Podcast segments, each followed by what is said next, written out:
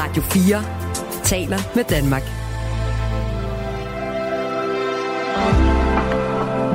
Velkommen til morgenrutinen. Tusind, tusind tak for julegaven, svigermor.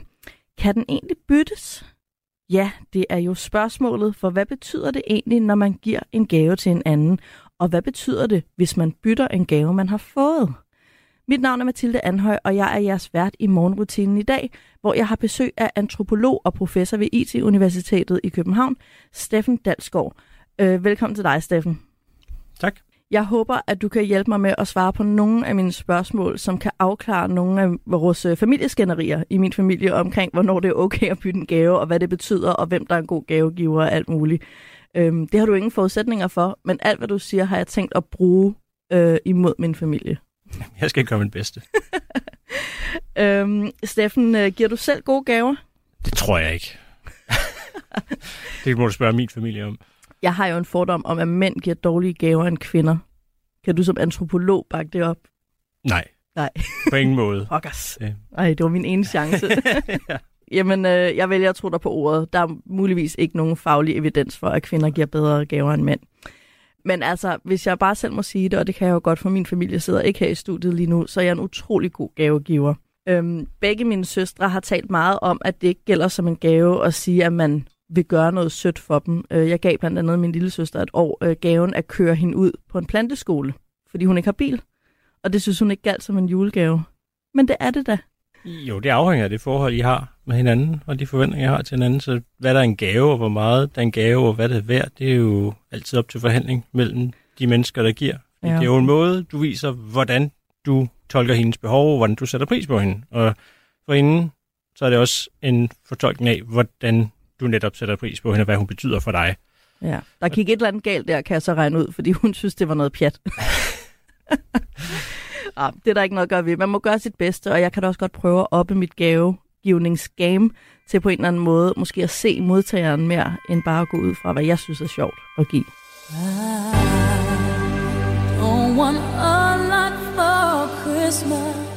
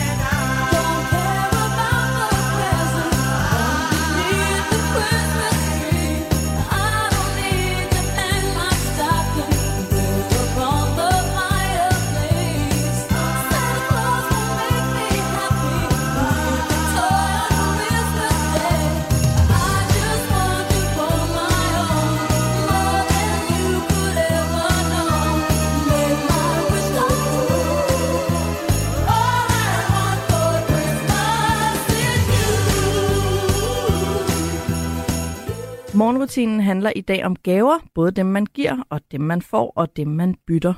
Med mig i studiet har jeg antropolog og professor øh, ved IT-universitetet i København, Steffen Dalsgaard. Og Steffen, skal vi ikke starte med at tale en lille smule om, hvad det her gavegivning er? For det er jo ikke en ny opfindelse, vel? Det er en gammel skik. Altså, det er en gammel skik at give ting til hinanden. Det er jo mellemmenneskeligt, at vi gør noget for hinanden. Vi kan måske i stedet for gaver, kan vi sige ydelser, eller tjenester, eller, eller hvad man nu... Øh, altså på dansk, jeg vil sige, på dansk ordet gave har en meget måske en bestemt betydning.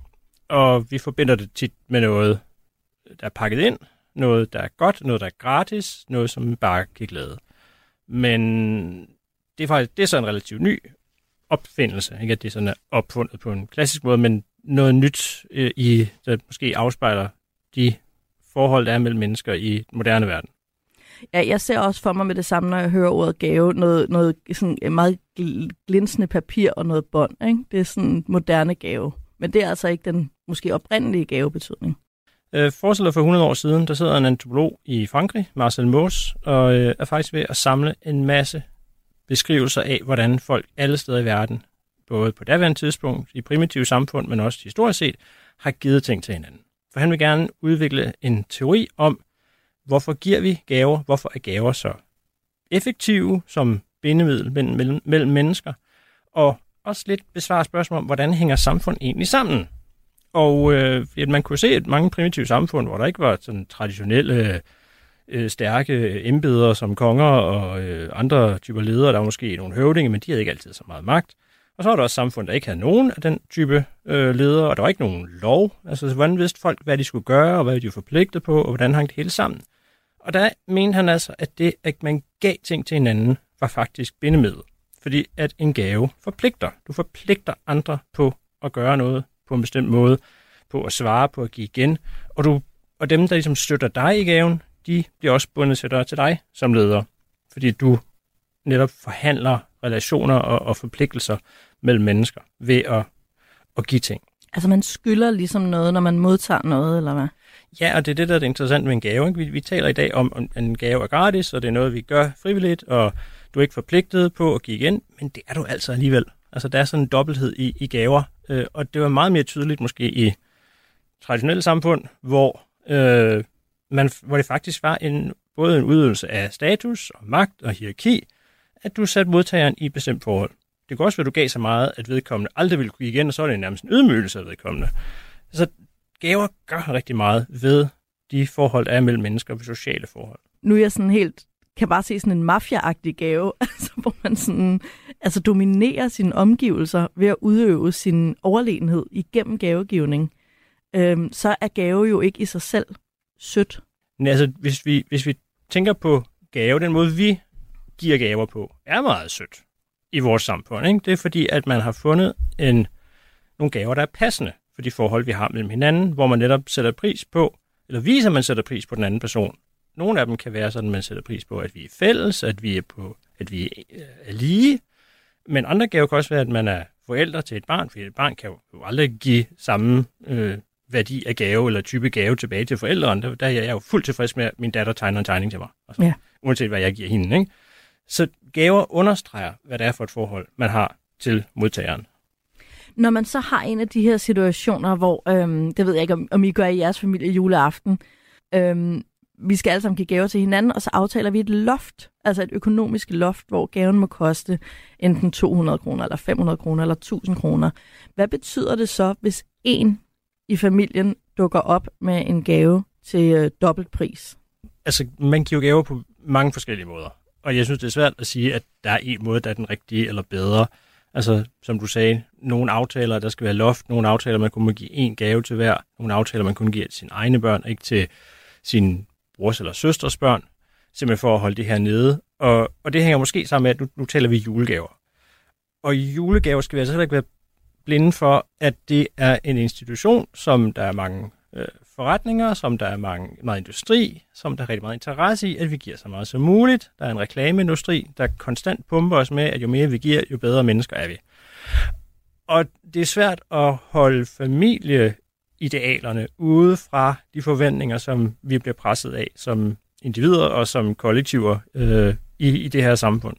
Så derfor er det jo øh, er det altid sådan lidt op til en forhandling i familien om, hvad der finder sted, og nogen kan måske være uenige, og, og det er sådan set også okay. Ikke? Nogen øh, vil netop gerne holde det her nede, fordi for ikke at mindske, for at mindske overforbrug, for ikke at skade klimaet mere end allerhøjst nødvendigt, fordi der er også en masse junk nogle gange, der ligger på de her sandt. børneværelser Af, af plastik. plastik, ja, altså indpakningen, altså der, der er rigtig mange ting, man kunne gå efter der. Men så er der også nogen, der siger, nu skal vi altså ikke tænke for meget på det, nu er det jul, nu vil vi gerne have fri, nu vil vi bare gør det, ligesom bare er, øh, falder os for, og som vi synes er det rigtige at køre den på, på ryggraden. Ja, okay. Så det er fordi, jeg har det sådan, øhm, mine sociale medier har opdaget, at jeg er glad for at læse brevkasse, øh, spørgsmål og svar. Og der har jeg stødt på rigtig mange, hvor der bliver brok, at der er folk, der brokker sig over det her med, at mormor eller farmor, ofte kvinder, øh, mormor eller farmor er kommet med, øh, en julegave, der var alt for dyr, og nu havde vi aftalt, og de bliver forkælet, eller min gave ser mindre ud, når du kommer med sådan en stor en, og hvorfor holder du ikke reglerne? Men der kan jeg så høre, at der er andre ting på spil, end lige den regel, familien har lavet. Der er også en industri bagved, og der er også noget menneskeligt med, jamen jeg vil bare gerne udtrykke min kærlighed frit og uden filter. Øhm, så der er faktisk også positive intentioner. Det er ikke kun en provokation af ikke at ville følge reglerne. Ja, vi skal måske også passe på med at vurdere en gaves værdi ud fra, hvor meget den er kostet.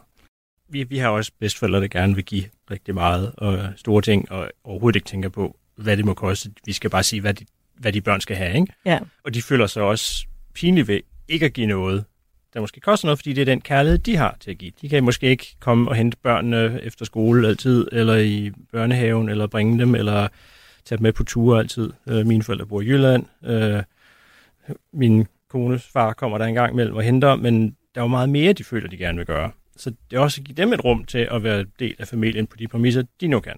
Og det er ikke fordi, de nødvendigvis så altid skal, skal bryde de regler, man prøver på selv for dem, men man skal også anerkende, at der er mange forskellige interesser i, hvad vil det sige at give en gave? Ja, og når du siger det, kommer jeg til at tænke på det her med kærlighedssprog. Altså, at der er jo også, øh, og måske især hvis man har penge i overskud i sit budget, mm. øhm, og som bedsteforældre har man jo ikke daginstitutionsregninger osv., at okay, men jeg har et overskud af penge, og jeg vil gerne vise min kærlighed via gaver, så det er godt nok også bittert at få smækket et loft på 100 kroner på, og så skulle stå nede i Søsterne Grene og finde en dims. Ja, man kan også se det som en sjov udfordring, hvis man nu har meget tid og er pensionist. Sige, hvad kan jeg egentlig få, eller finde frem til af en god gave inden for de begrænsninger? Begrænsninger behøver heller ikke være dårligt. Det kan også være godt for kreativitet. Men jeg tror, mås- det er så der, man tænker på, at, at bedsteforældre måske kunne blive udfordret, ikke? Øh, Ja. og måske på en god måde nogle gange. Ja, så faktisk er kreativitet, det kunne måske være et spændende nyt kærlighedssprog at kaste sig over, hvis man bliver mødt med sådan et loft der.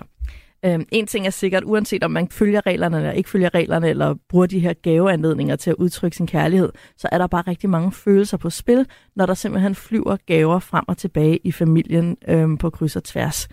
Det kommer man nok ikke udenom. And one day your love came down to me, and it turned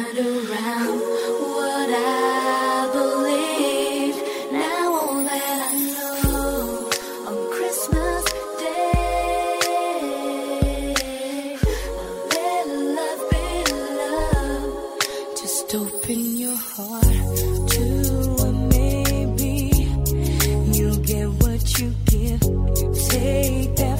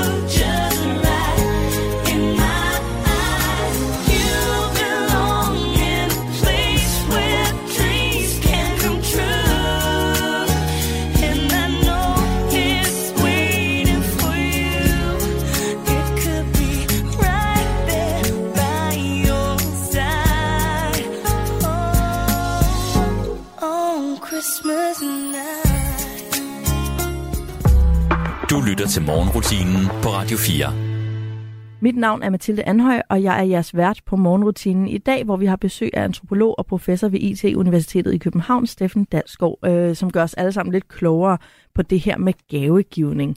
Øhm, og Steffen, vi har jo været inde på det. Øh, hvorfor giver vi hinanden gaver? Nu i dag i det danske samfund, der har det meget at gøre med hygge, forstår jeg dig rigtigt? Altså det er en meget sådan positiv øh, gavegivning mellem nære relationer. Ja, det er det typisk. Øhm, det, vi giver gaver til hinanden, fordi vi sætter pris på hinanden. Vi værdsætter hinanden, er måske en bedre måde at sige det på, fordi pris øh, forbinder vi med penge, og gaver på en eller anden måde forbinder vi med noget, der ikke kun behøver at være penge, selvom vi nogle gange tænker på en gaves værdi. Øh, Men det er, det er fordi det gaver øh, udtrykker forhold mellem mennesker, og hvor meget vi kender hinanden, hvor vigtige vi er for hinanden, og også hvad vi, hvordan vi gerne vil blive set af hinanden. Okay, så hvis det nu... Øh, jeg tror, jeg har det med at give rigtig meget gaver, som skal øh, promovere et forkert ord, men øh, jeg vil gerne blære mig med, at jeg har fundet en god gave. Altså, og jeg virkelig har set den anden. Men i virkeligheden kommer det ofte til at handle om min evne til at se, og ikke så meget om den anden føler sig set. Men en god gave, er der nogen, kan man sige nogle regler omkring, nu tænker jeg også sådan, du ved, kulturel gaveskik øh, for tusind år siden, der sagde gaverne vel mere om den kultur, de kom fra. Altså det der med at give sådan artefakter fra sin kultur, og der var det måske mere noget med altså at repræsentere sig selv, end at se den anden. Eller er det en øh, fortegning? Jeg, jeg tror, det er svært at sammenligne.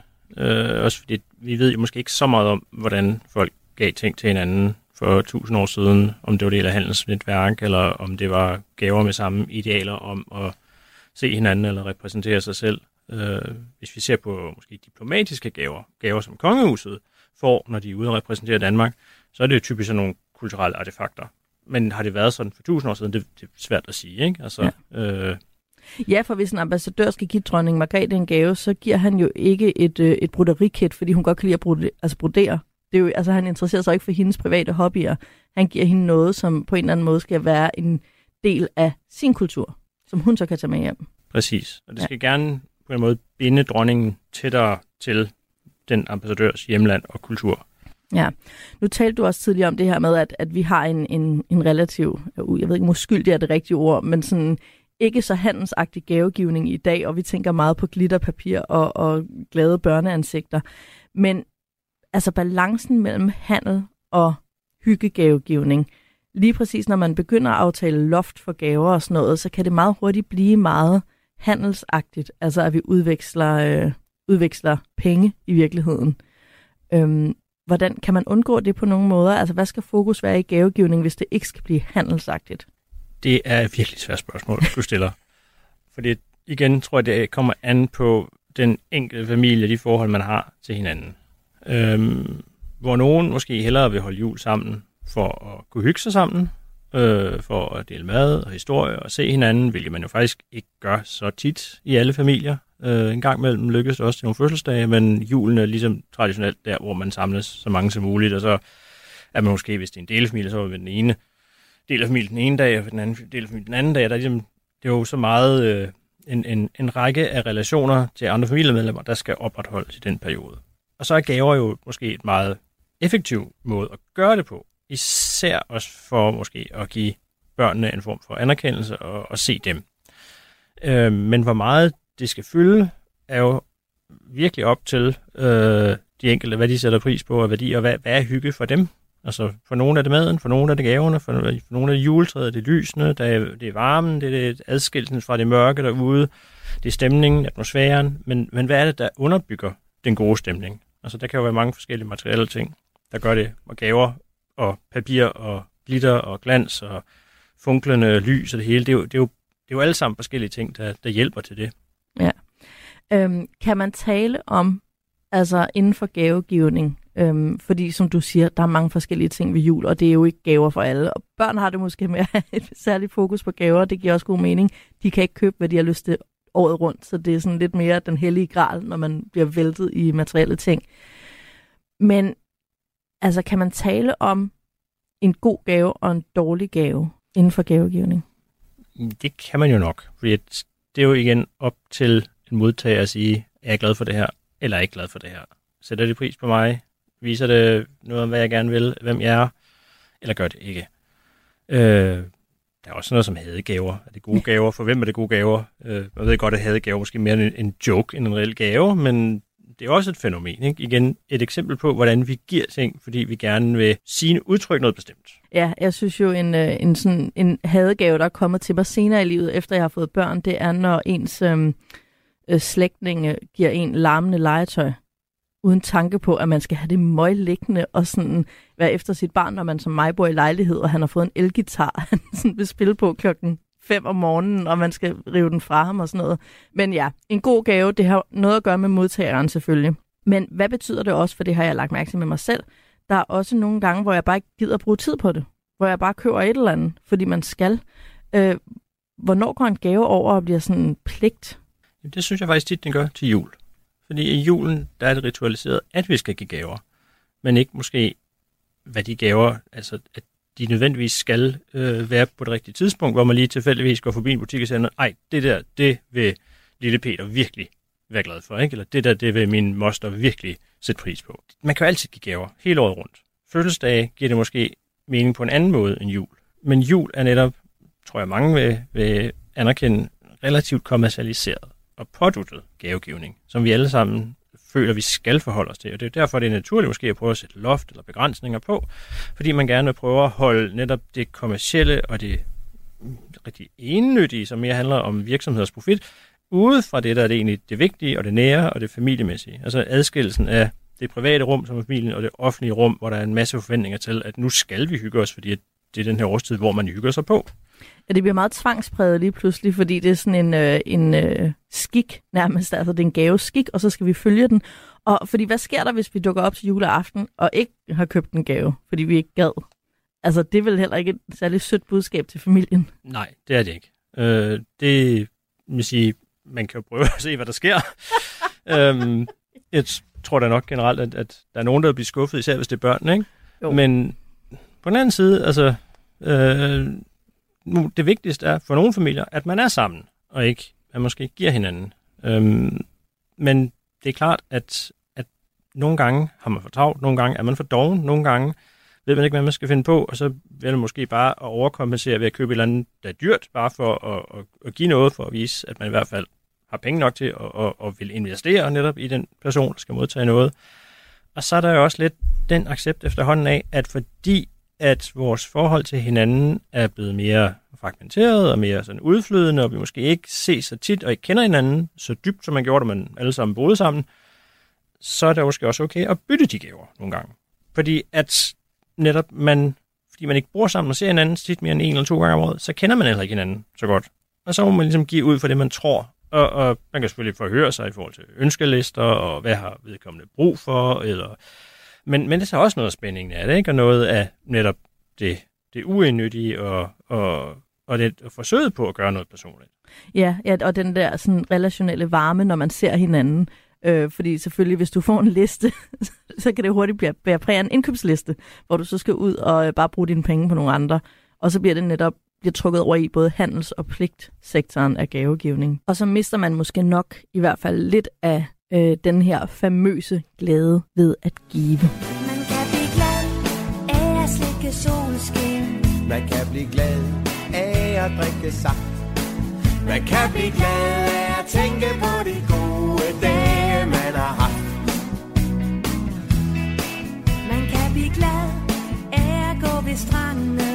Man kan blive glad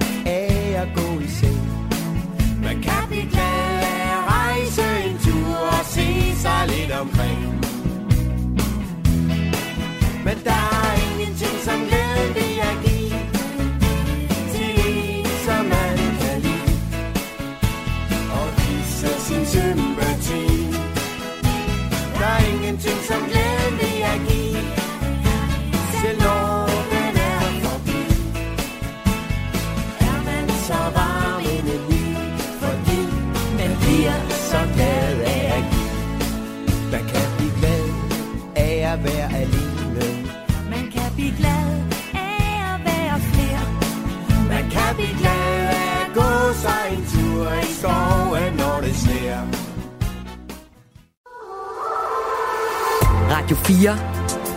med Danmark.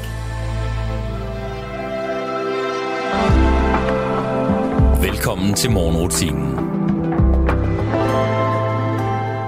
Glæden ved at give sang øh, Nissen Pyrus øh, tilbage i 1997 i julekalenderen Alle Tiders Julemand, nummer 3 i den her julekalenderserie om Pyrus. Øh, og det er temaet for morgenrutinen i dag, men øh, vi skal ikke kun tale om glæden ved at give, vi skal også tale om glæden ved at bytte, fordi øh, den kan næsten være lige så stor nogle gange, selvom det afhænger selvfølgelig af gaven. Og øh, det bliver jeg meget klogere på i dag, hvor jeg har besøg af antropolog øh, Steffen Dalskov, som øh, forklarer mig noget om det her med gavegivning og bytning. Og øh, Steffen, du var inde på det lige før. Hvis man nu alle sammen bor tæt sammen og har en hverdag sammen, så er det svært at undgå at kende hinanden godt, og derfor også mærke hinandens behov, og så er det nemt at give en gave, der rammer plet.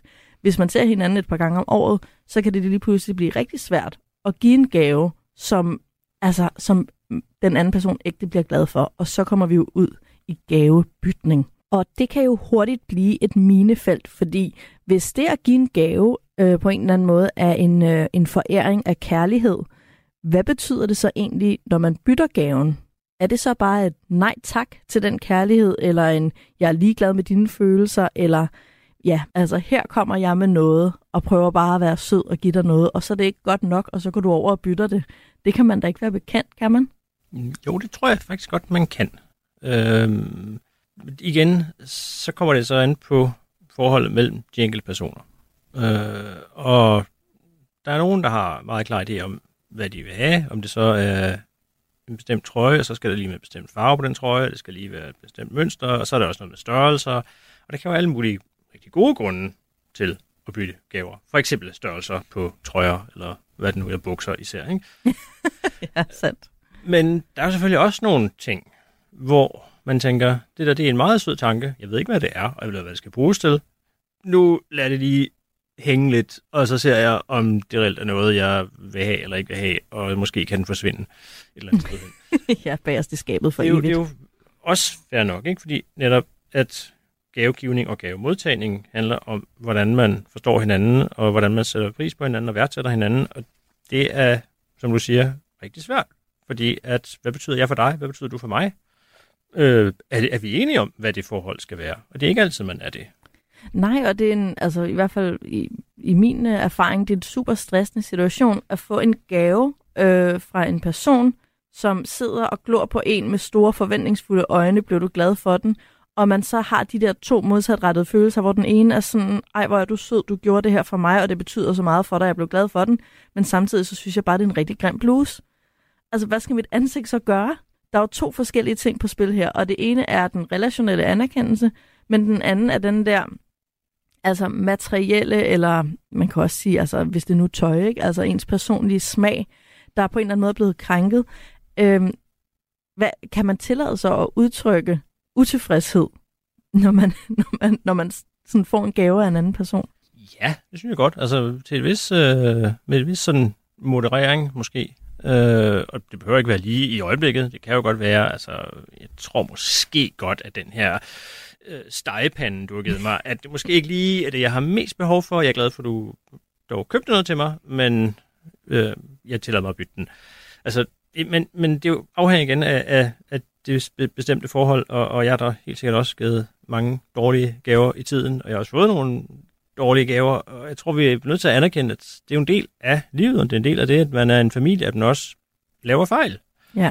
Og man også kommer til at udtrykke nogle forkerte ting, og jul er så, er så svært, fordi det er så intenst, at der er så mange forskellige relationer på spil hele tiden. En ting er forholdet mellem dig og mig, men det er også forholdet til alle de andre, der ser vores forhold, og som ser vores reaktion på hinandens gaver. Øh, og hvad tænker de om det? Ikke? Altså, de vil jo også gerne have, at vi er gode venner, og alle er glade. Men hvordan skal man så forhandle handle det? Ikke? Og der er ikke noget endegyldigt svar. Jeg tror bare, man er nødt til, i hvert fald som minimum, at erkende, at man ikke altid kan gøre det perfekt. Ja, det er nok rigtigt nok, fordi altså, jeg startede jo med det der med, okay, jeg skal rumme skuffelse over tingen, men glæde over øh, intentionen. Men som du siger, man sidder i et rum fuld af mennesker, så lige pludselig skal man også tænke på, at man skal være respektfuld. Altså det der med, at øh, man kan ikke opføre sig som et forkælet barn, hvis man er 37, som jeg er. Så bliver man også nødt til at sige sådan, ej, hvor var det pænt af dig.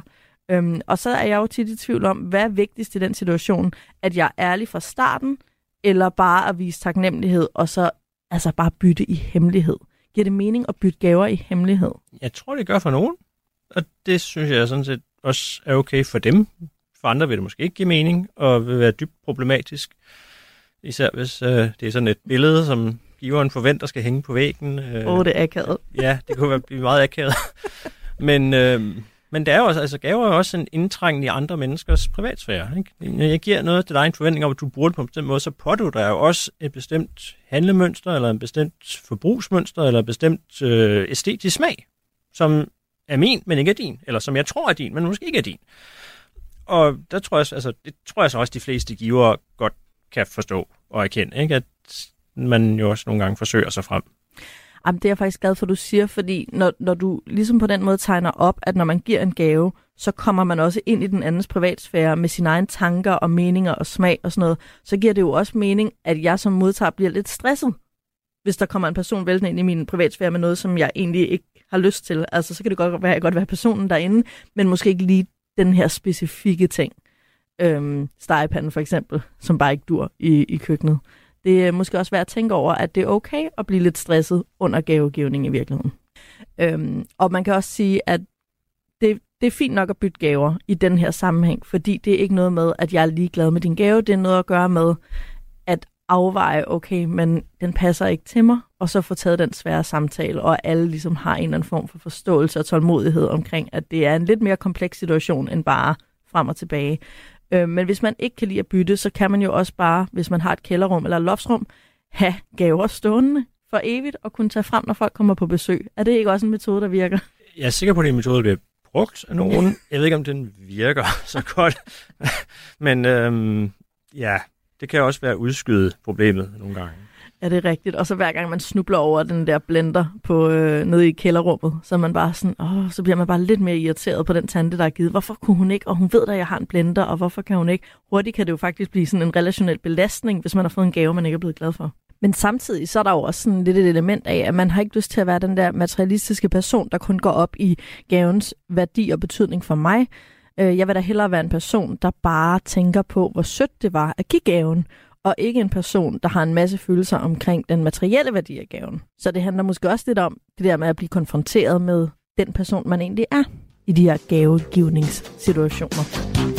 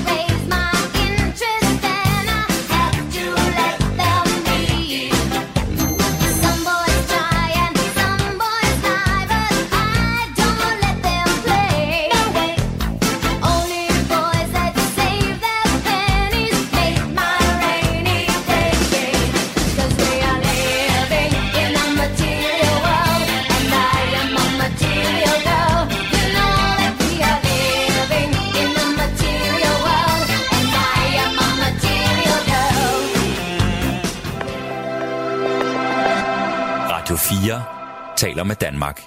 Material Girl fra 1985 af Madonna, der efterfølgende ofte blev refereret til som The Material Girl.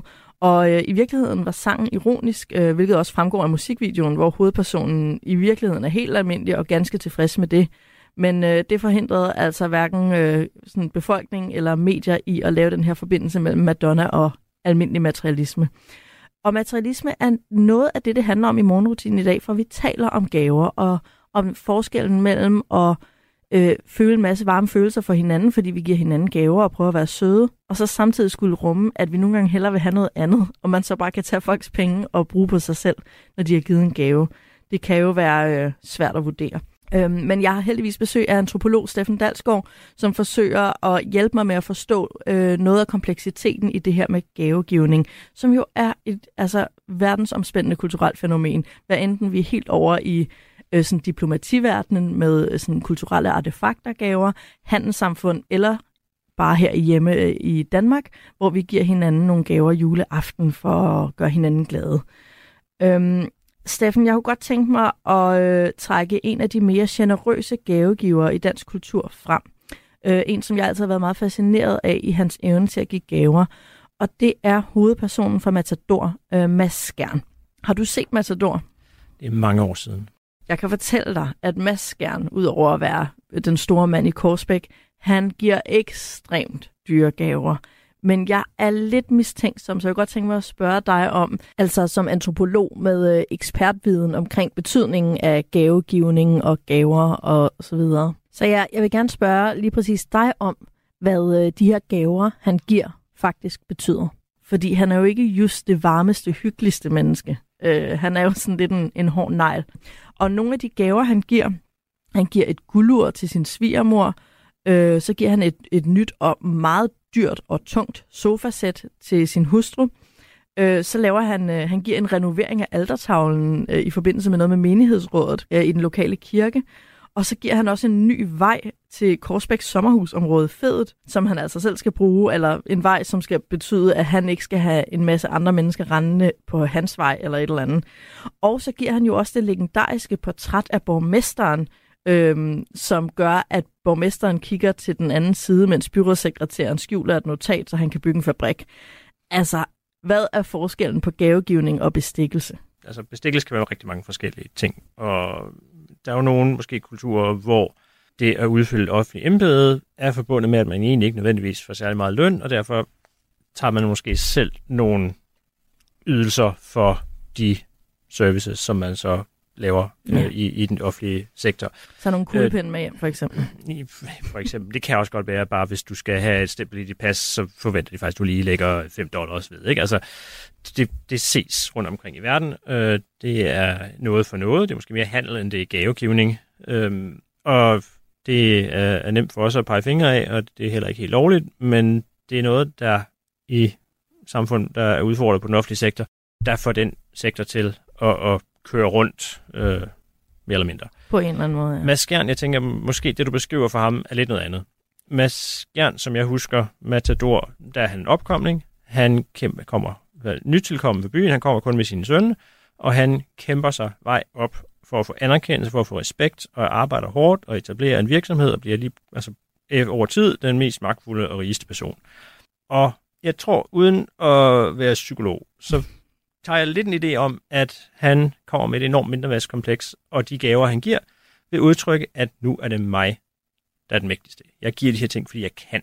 Jeg giver de her ting, fordi jeg har råd til dem. Jeg giver de her ting, fordi det er øh, manifesterer mig som person. Ikke? Han er den dominerende patriark her, øh, eller gør sig selv til den dominerende patriark i en by. Og det udtrykkes øh, bedst ved at forpligte folk gennem de ting, man giver.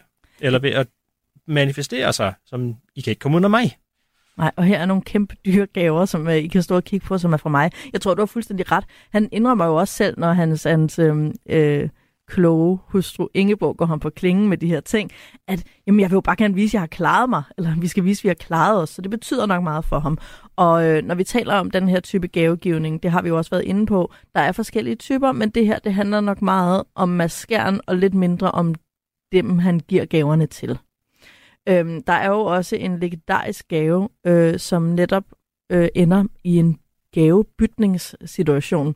Nemlig da øh, Mads Skjern lidt i samme dur får købt den her øh, flotte, lækre, mega dyre pels til sin kone, øh, fordi han har øh, hørt, at den anden førende mand i byen, bankdirektør Varnes, har også købt den her pels til sin kone. Øh, så han køber den også til sin kone, og så er det altså, da Ingeborg ser, at okay, men fru Varnes på den anden side af gaden har den samme pels på, så går hun hjem, øh, smider den i entréen og siger, send den retur, den der pels. Den skal simpelthen byttes. Arnold har sendt den retur. Det var en gave. Hvad går den reaktion ud på? Ja, det er jo et godt spørgsmål. Øh, igen, det er svært at vide præcis, hvad der foregår i hovedet på folk, men det, vi kan jo sidde som seere og, og prøve at fortolke det på forskellige måder. På den ene side at sige, at føler hun, at hun er anerkendt af sin mand som en person, for hvem en, en, en pels er vigtig? Er, der, er det mere en anerkendelse af, at Varnes familie er nogen, man skal leve op til? Vil hun, er det forventer Ingeborg, at hun skal være ligesom øh, fru Varnes? Øh, måske ikke en person, hun spejler sig specielt meget i. Niks. Og spørgsmålet igen er, hvad, altså, hvad er en, er, er, har Mads Gjern givet den her gave af kærlighed til sin kone, eller har han givet den af nogle andre grunde? Ikke? Altså, Jo. der er jo sikkert et eller andet, hun tænker, der er noget andet på spil her, det gider jeg ikke være med til. Så det der med gavebytning kan også godt lige pludselig, altså nogle gange er det stille og roligt, fordi jamen, den her, jeg skal have den i en større størrelse. Men det kan simpelthen også være, at man vejer en, en mere egoistisk øh, afsenderstemning, som man simpelthen så har lyst til at afvise, fordi man ikke vil være i det her tilfælde for Ingeborg, er det jo nok, hun vil ikke være en brik i øh, Mads Gerns statusspil og gå rundt øh, med en pels, som i virkeligheden handler om, at han skal vise, at han er lige så god som en anden mand. En sådan maskulinitetsarmlægning, der foregår på tværs af Algade i Korsbæk. Så der kan gavebytning faktisk også være en måde at sige fra på, øhm, i virkeligheden. Ja. Ja. Så kan man jo sidde og tænke på, hvem i familien, der er mest maskernagtig, når de giver gaver, og i virkeligheden bare vil vise, hvor, hvor rige eller seje de er. Men kan man blive såret over at få en gave? Ja, det tror jeg godt, man kan. I hvilken Øhm. situation kan man bare sidde og være sådan ked af det over få en gave? Det kan være en gave, som for eksempel, hvis, hvis det er en person, man selv sætter meget pris på, og elsker meget højt, og så får man en gave, der tydeligvis viser, at det ikke er gengældt. Et par sokker. Ja, eller en eller anden brugsgenstand, øh, som der ikke er noget som helst behov for. Og det kan godt være, at der er en eller anden tanke bag, og det kan godt være, at man kan få den forklaret, men det er måske helt skævt i forhold til, hvor man er i sit liv, og hvad man gerne vil være, og hvordan man gerne vil, vil kende hinanden. Øh, og det er jeg sikker på, det sker i, er sket, vil ske i alle familier øh, fra tid til anden. Nej. Gavegivning er simpelthen et minefelt, jo mere man forstår det i virkeligheden. Men til gengæld så er der også lidt, øh, måske man kan finde lidt mildhed frem, når man forstår, hvorfor der kan være mange følelser på spil. Øhm, noget af det, vi også har været lidt inde på, det er det her med ønskelister. Øhm, er ønskelister noget, der giver noget godt til gavegivningsuniverset, tror du? Ja, det afhænger måske også igen af, af den familie og de relationer, der er um, øh, mellem folk. Øh, jeg tænker, at ønskelister kan jo være, være en måde at guide øh, mennesker på, der ikke har det tætte forhold til hinanden. Du nævnte tidligere, det kunne godt være lidt en øh, indkøbsliste-agtigt øh, måde at signalere, hvad man gerne vil have på. Og det er det også. Jeg, jeg tænker nok mest konfirmationsgaver og sådan noget. Ikke? Der, der er det jo meget mere udtalt. Øh, også fordi at gaverne, der, der er jo en helt anden forventning til måske størrelsen af gaver i, i de situationer. Ikke? Altså, Ja, der er også noget tradition for pengegaver. der er så også noget, ikke? Igen, er, er, er, er det okay at give penge som gave? Øh, Ja, er det, er okay? nogle gange for en, bedstforælder, der netop ikke kan finde på andet, men gerne ja. bare vil give folk selv en frihed. Fordi det, du får nogle penge, det er, at du selv har frihed til at handle. Og det er måske nogle gange det, der er bedst for modtageren. Og, og modtageren bliver gladest for. Wow, så kan jeg købe det der Lego-sæt, som jeg ellers ikke ville have råd til, eller øh, jeg kan bruge dem på snoller, eller jeg kan spare op, som nogle mere fornuftige mennesker måske vil gøre. Ja. øhm, Ja, du nævnte jo også tidligere det her med, at når man giver en gave, så vil det ofte, og det er jo når man går uden for ønskelisten især, øhm, hvis man giver en gave uden for ønskelisten, hvor man tænker, ej, den her er flot, eller den skal du have, så går man også ind i folks privatsfære med sin egen smag og sine egne vurderinger. Øhm, og der kan man jo altså godt ramme ved siden af. Men spørgsmålet er også, hvem skal have lov til at bestemme, hvad der rammer rigtigt. Ikke? Det, det kan godt være, at jeg synes, at den gave, jeg får, rammer ved siden af. Men det kan godt være, at giveren har ret i, at det er en god gave for mig. Altså, jeg har da også nogle gange gået uden for en ønskeliste, fordi det, der stod, det er ikke noget, jeg har lyst til at give. Ja. Ja. noget af det. Øh, der står 10 forskellige øh, sæt legetøj eller et eller andet. Og det kan, godt, altså, det kan også være, at nogle af de der larmende øh, typer legetøj siger, "Øh, det kan godt være, at du gerne vil have dem, men jeg ved, at dine forældre bliver meget glade, hvis de ikke får den Ja. elgitar til dig. Øhm, og, og så må man jo prøve at tænke selv, og være sådan lidt kreativ og sige, hvad vil egentlig være godt for den person i forhold til de mennesker, som den modtager skal bruge gaven sammen med, eller altså, der, igen, der er mange, altså det er jo meget personlige forhold og meget personlige sådan idéer om, hvem man er og hvordan man er i forhold til hinanden, så det er jo svært at give en generel regel, men det kan også være okay at gå uden for en ønskeliste, synes jeg. Ja, det, altså det er simpelthen øh, det er super specifikt på relationen, om det er vigtigt at blive inden for ønskesedlen. Måske er der også nogle typer, som bliver mere skuffede, eller som har sværere ved, at folk kommer ind i deres privatsfære med deres idéer. Ja, så også hvad, hvad en ønskeliste udtrykker, ikke? Altså, der er måske, øh, hvis du finder ud af alle de typer tøj, som modtageren ønsker sig, er ting, der er produceret af børnearbejdere i Bangladesh eller Thailand, eller hvor det kunne være, så synes jeg også, det er okay at sige, at jeg har simpelthen ikke lyst til at støtte den type industri og den type overforbrug. Jeg vil give dig et eller andet andet. Ja, så så man vil jeg har jo også- så fortælle, hvorfor det er, jeg giver det her i stedet, måske. Ja. Så man har ret til at, at øh, værne om sine værdier, også i gavegivningen. Jeg synes, det er især vigtigt i gavegivning. Men der er selvfølgelig mange, nogle gange modstridende værdier. Altså øh, netop værdien af relationen til den person, man skal give noget til, eller få noget fra, men også værdien af i forhold til resten af familien, værdien i forhold til resten af samfundet, altså, og, og hvad er det egentlig for en form for øh, forbrug, man engagerer sig i, når man giver gaver eller køber gaver. Ja, for det er ikke neutralt. Det, øh, det må vi jo nok også med, med klimakrisen lurende over os erkende, at 20 plastikdimser pakket ind i en masse papir, der bliver smidt direkte ud bagefter, det er ikke en neutral gestus mere. Og det øh, kan godt være, at man mener det kærligt, men der foregår også nogle andre ting der. Øh, en anden gavegivning, der jo tit foregår her op til jul, det er jo firma-julegaver, som er noget, jeg altid har haft det utrolig svært ved. Netop fordi, at det føles meget samlebåndsagtigt. Ved vi noget om, hvor den her tradition kommer med, at man får en, en skål eller nogle kopper eller et eller andet fra, øh, fra sin arbejdsplads til jul? Jeg ved ikke, hvor det kommer fra, men jeg tror godt, man kan sige noget om, hvorfor er den Ja, hvorfor gør de det? Altså, jeg kan forstå en julebonus, ikke? Altså, giv mig da Ja. gerne 50.000, mange tak. Men hvad sker der med den der kande, Ja, øh, som alle andre også har nu?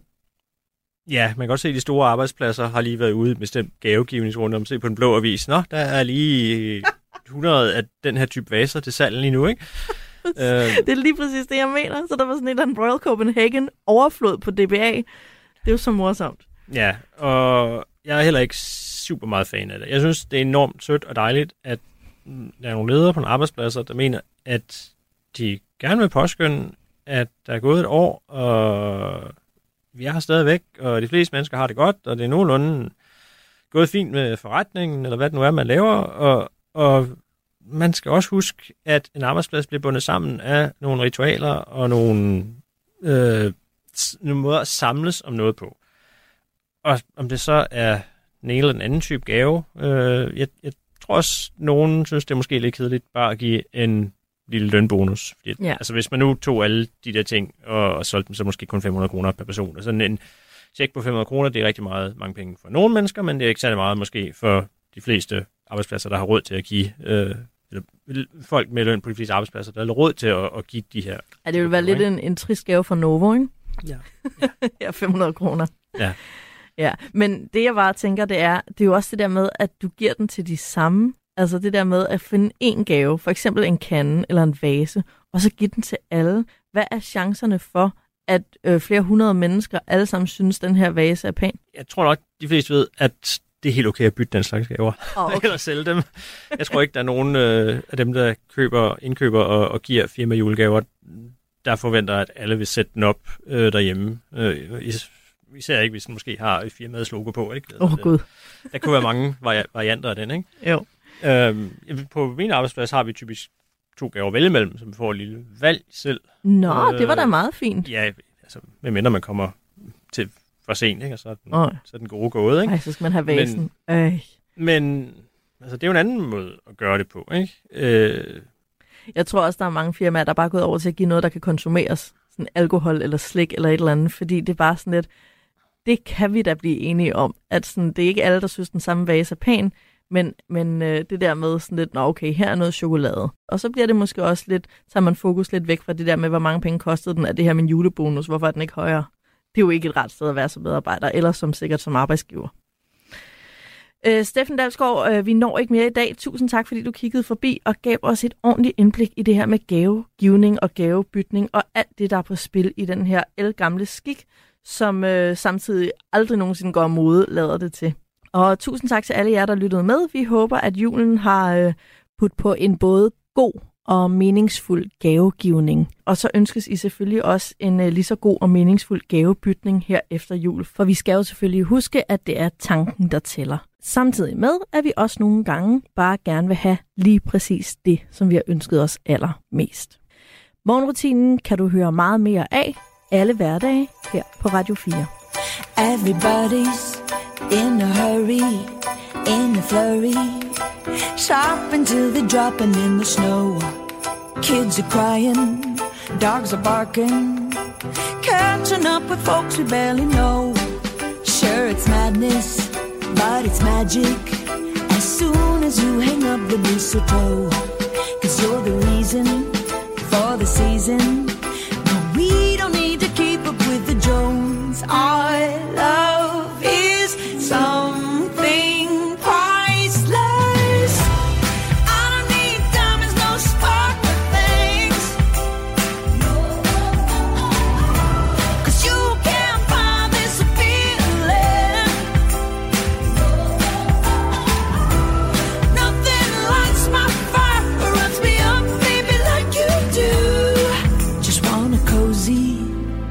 cozy little Christmas here with you.